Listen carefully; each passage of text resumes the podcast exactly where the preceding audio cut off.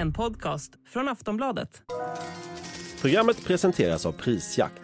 Jämför produkter, priser och butiker. Kim Jong-Un och Vladimir Putin har nu träffats i det omtalade toppmötet i Ryssland. You're just seeing two leaders who are, uh, only are allied with one another right now, and they're having more and more problems with executing their foreign policy.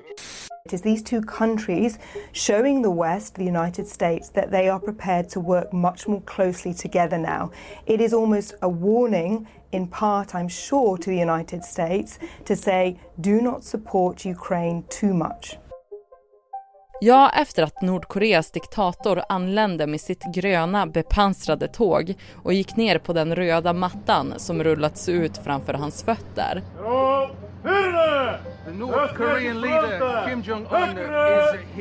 Så välkomnades han varmt av den ryske presidenten vid rymdbasen Vostochny Kosmodrom i den östra delen av landet.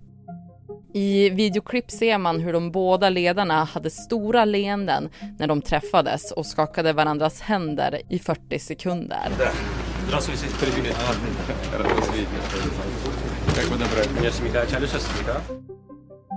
Och det är på grund av Kims starka intresse för raketteknik som de träffades där, säger Putin. Nordkorea har varit en av Rysslands få vänner sedan kriget i Ukraina bröt ut. Och under besöket ska Kim Jong-Un ha uttryckt sitt stöd till deras pågående invasion. Och det har spekulerats mycket om vad det är för typ av vapen som han kan leverera till Putin. Så vad innebär deras samarbete? Hur skulle Nordkoreas vapen kunna påverka Rysslands invasion i Ukraina? Och vad vill Kim Jong-Un få i utbyte av Vladimir Putin? Det är några av de frågor som vi ska reda ut i det här avsnittet av Aftonbladet Daily. Jag heter Ellen Lundström. Och jag har med mig Wolfgang Hansson som är utrikespolitisk kommentator här på Aftonbladet. Wolfgang, det är fyra år sedan Kim Jong-Un besökte Ryssland.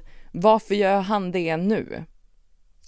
Ja, de besöker ju, träffar ju varandra med jämna mellanrum och det spekuleras ju mycket i att eh, skälet till att de ska träffas nu är att eh, eh ryssarna och Putin är särskilt intresserade av att få mer vapen och ammunition från eh, Nordkorea.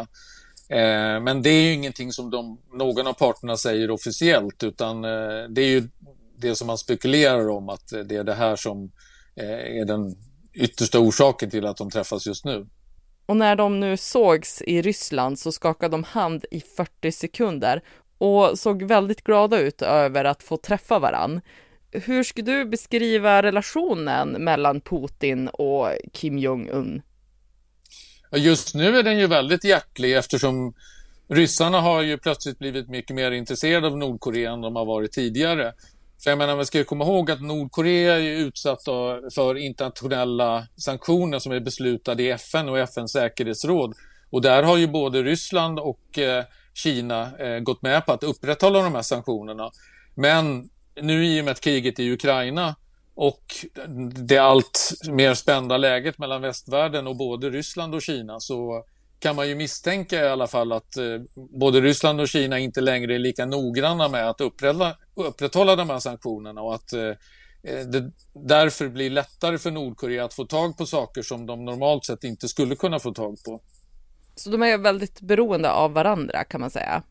Ja, de har ju blivit mer beroende av varandra. Förut var ju Nordkorea mer beroende av Ryssland, så att säga. Det var mer en envägskommunikation. Eh, nu plötsligt i och med det här kriget och, och, där det är uppenbart så att ryssarna har problem att få fram tillräckligt med ammunition så eh, har ju plötsligt Nordkorea blivit ett alternativ eftersom Ryssland kan ju inte köpa vapen från nästan något annat land. Inte ens Kina vill ju sälja vapen till, till Ryssland. Eh, sen påstår i och för sig ryssarna, jag såg senast idag, att de hävdar att eh, de, deras artilleriproduktion är högre idag än vad den var före kriget. Men det är ju siffror som är helt omöjliga att kontrollera och det kan ju också vara en del i, i propagandakriget så att säga gentemot Ukraina, att man då säger att man har mycket mer ammunition än vad man egentligen har. Men man ska ju komma ihåg att det här är ju mycket som vi inte vet någonting om. Det är mycket spekulationer och det är väldigt svårt att få fram eh, hårda fakta om det här.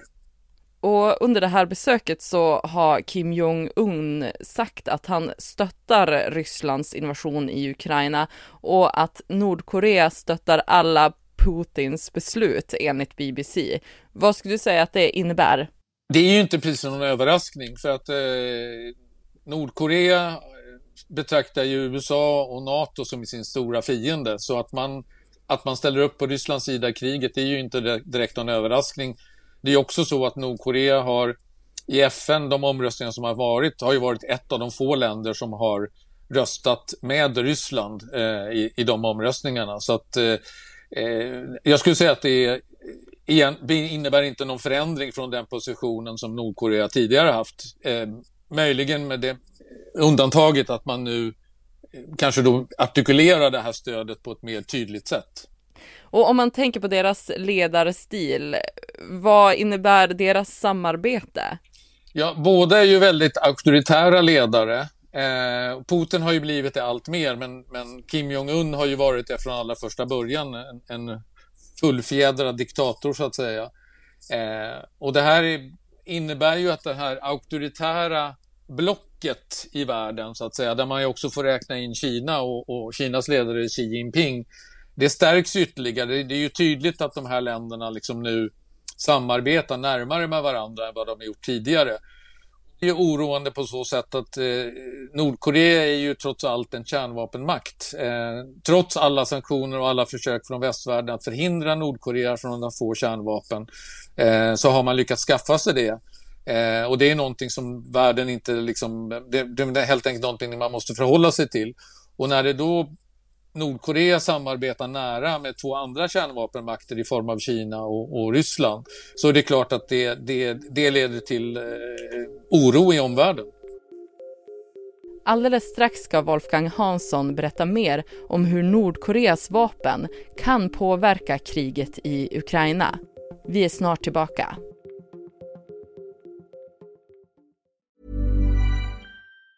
Tired of ads barging into your favorite news podcasts? Good news. Ad-free listening is available on Amazon Music for all the music plus top podcasts included with your Prime membership. Stay up to date on everything newsworthy by downloading the Amazon Music app for free or go to amazon.com slash news ad free. That's amazon.com slash news ad free to catch up on the latest episodes without the ads.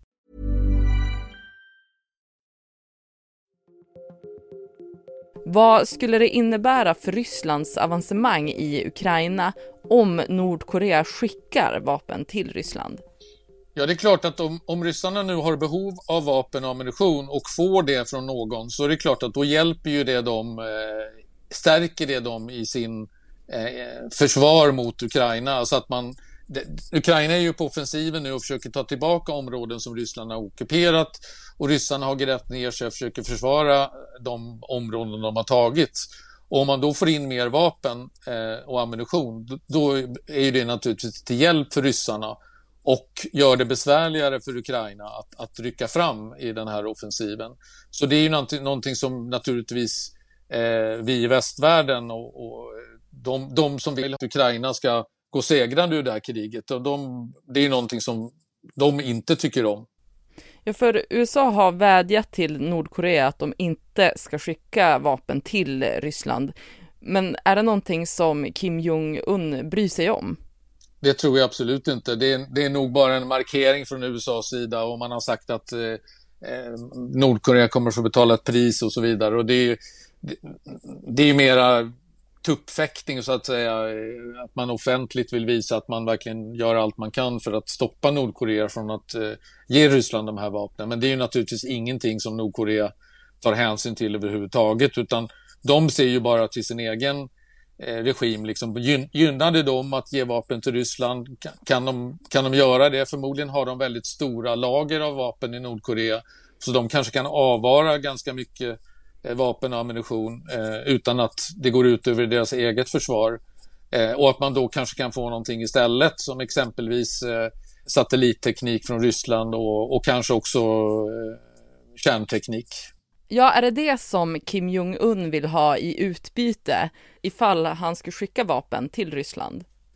Ja, det man tror är just att han vill ha eh, modern satellitteknik från Ryssland. För att nu har ju som sagt Nordkorea kärnvapen och man har också gjort ganska många uppskjutningar av eh, missiler. Robot, robot, de robotarna som, som så att säga kärnvapnen stoppas in i.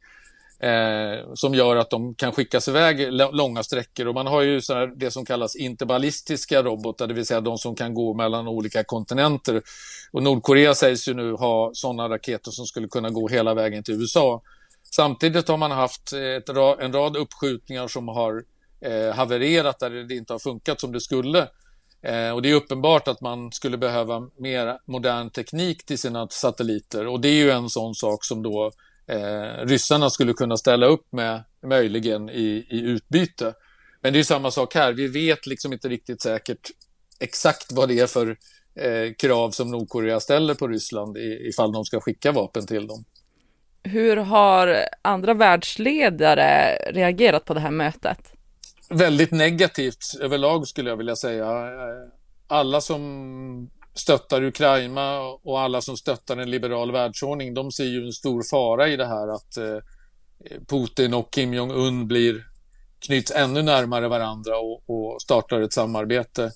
Eh, och det kommer ju naturligtvis att gå ut över de här sanktionerna som, som finns mot Nordkorea och göra dem mindre effektiva. Och det är ju någonting som oroar världen eftersom Nordkorea har kärnvapen och dessutom ganska ofta eh, riktar hot mot USA, mot Sydkorea, mot Japan. Eh, och nu har man ju den kapaciteten att man skulle kunna avfyra kärnvapen mot de här grannarna och eh, till och med mot USA. Det finns inget som tyder på att Nordkorea har några planer på att göra det, men man, man är i alla fall väldigt pigga på att hota med det här och, och poängtera att man har de här vapnen. Sannolikt för att avskräcka omvärlden för att på något sätt försöka angripa Nordkorea. Och när vi spelar in det här så är det onsdag förmiddag och de har träffats i några timmar. Vilka konsekvenser tror du att det här mötet kan ha? Ja, det är väl eh, om, om de nu lyckas komma överens om någonting eh, när det gäller vapenfrågan så kan det ju eh, försvåra för Ukraina eh, för Ukrainas offensiv eh, och att det kommer att ta ännu längre tid för Ukraina att ta tillbaka de områden som, man, eh, som ryssarna har tagit. Eh, och vi har ju sett att det har gått ganska trögt redan nu eh, på, för den här offensiven och det har tagit mycket längre tid än vad man hade hoppats på från, från västvärlden som ju har stöttat Ukraina med väldigt mycket vapen och ammunition.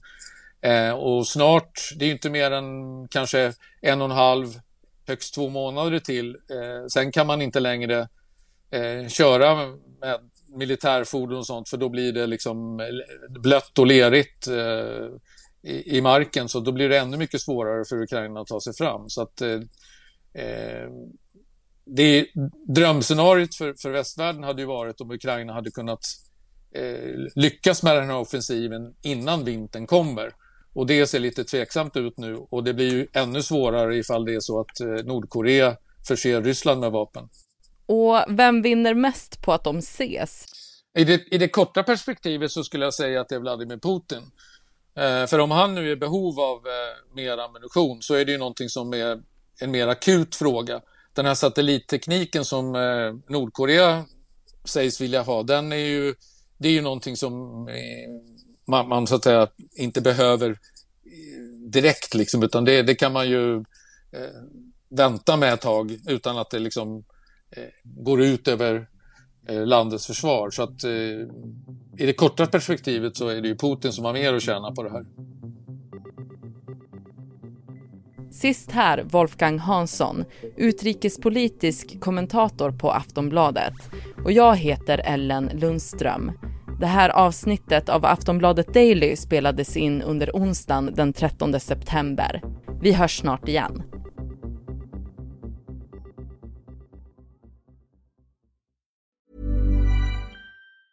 Normally being a little extra can be a bit much. But when it comes to healthcare, it pays to be extra. And United Healthcare makes it easy with Health Protector Guard fixed indemnity insurance plans. Underwritten by Golden Rule Insurance Company, they supplement your primary plan, helping you manage out of pocket costs without the usual requirements and restrictions like deductibles and enrollment periods. So when it comes to covering your medical bills, you can feel good about being a little extra. Visit uh1.com to find the Health Protector Guard plan for you. Du har lyssnat på en podcast från Aftonbladet. Ansvarig utgivare är Lena K Samuelsson. Tired of ads barging into your favorite news podcasts? Good news. Ad-free listening is available on Amazon Music for all the music plus top podcasts included with your Prime membership. Stay up to date on everything newsworthy by downloading the Amazon Music app for free or go to amazon.com slash news ad free. That's amazon.com slash news ad free to catch up on the latest episodes without the ads.